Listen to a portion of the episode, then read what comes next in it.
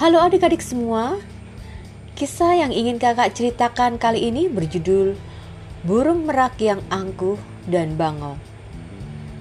Selamat menikmati.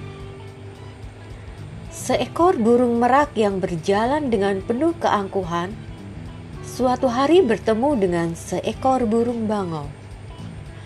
Dan untuk membuat sang bangau kagum, dia merentangkan bulunya yang indah di bawah sinar matahari.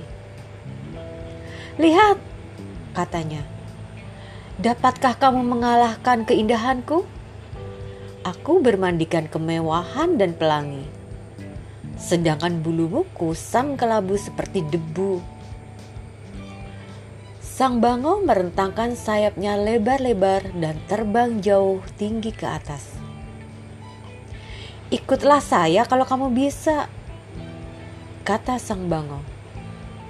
Tetapi sang merak hanya bisa berdiam terpaku karena burung merak termasuk jenis burung yang tidak dapat terbang.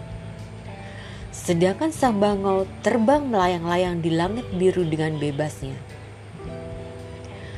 Adik-adik sekalian, kisah moral yang ingin kakak sampaikan kali ini adalah janganlah kita menyombongkan diri terhadap apa yang kita miliki.